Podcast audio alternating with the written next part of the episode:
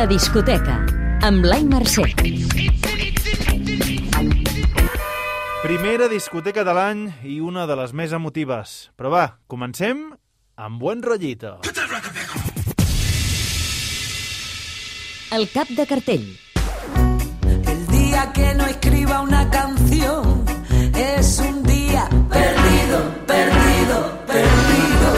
que diria amb paranoia. I és que han passat 16 anys des d'aquell La vida te da, l'últim disc amb cançons originals publicat per un dels grups pioners del mestissatge i la fusió a casa nostra, amb paranoia, liderats per una cantant tan carismàtica com empoderada, Amparo Sánchez.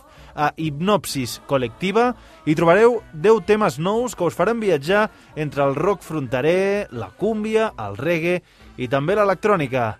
Festa, com dèiem, buen rollito, bon rotllet i també reivindicació d'un disc on en Paranoia comença nova etapa, tornant als orígens i homenatjant les seves arrels. El disc de quilòmetre zero.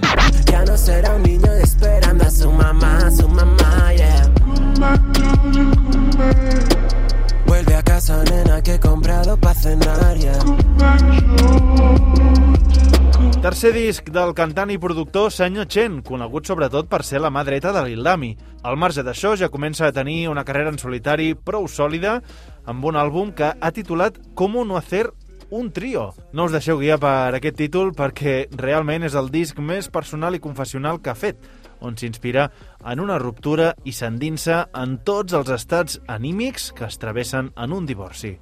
Com us podeu imaginar, el títol va molt més enllà del significat sexual. Quan parlo d'aquest trio no és, no és només com parlar de la idea sexual del trio, sinó també de totes les parts que formen la meva psique i de com intentar que totes aquestes parts es portin bé, saps què vull dir? Escolta l'entrevista sencera al web dicat.cat. El disc que farà parlar. when you were born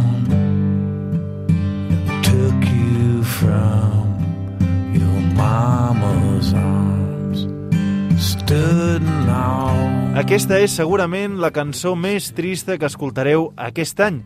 I això que encara ens queda molt al davant. Es titula Last Wars i la firma el cantautor nord-americà Steve Earle.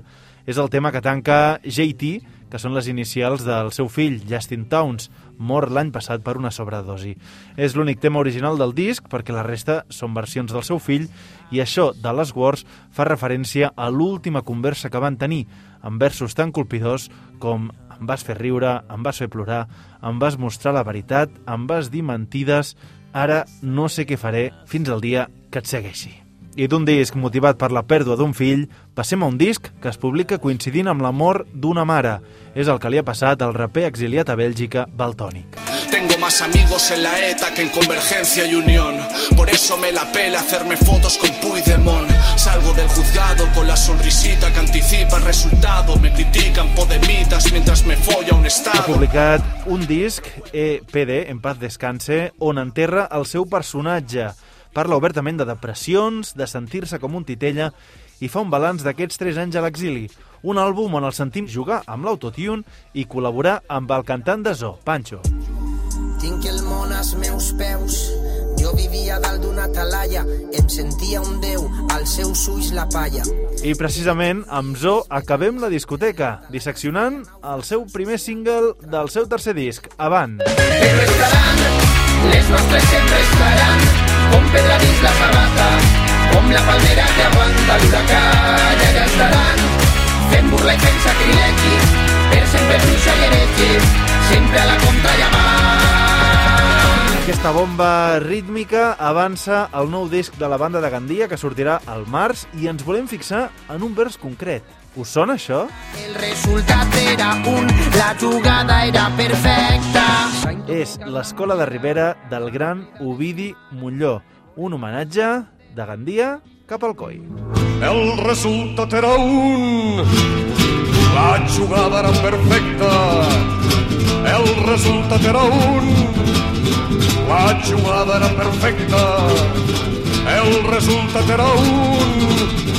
La jugada era perfecta. La discoteca. Posa't al dia amb Blai Mercè.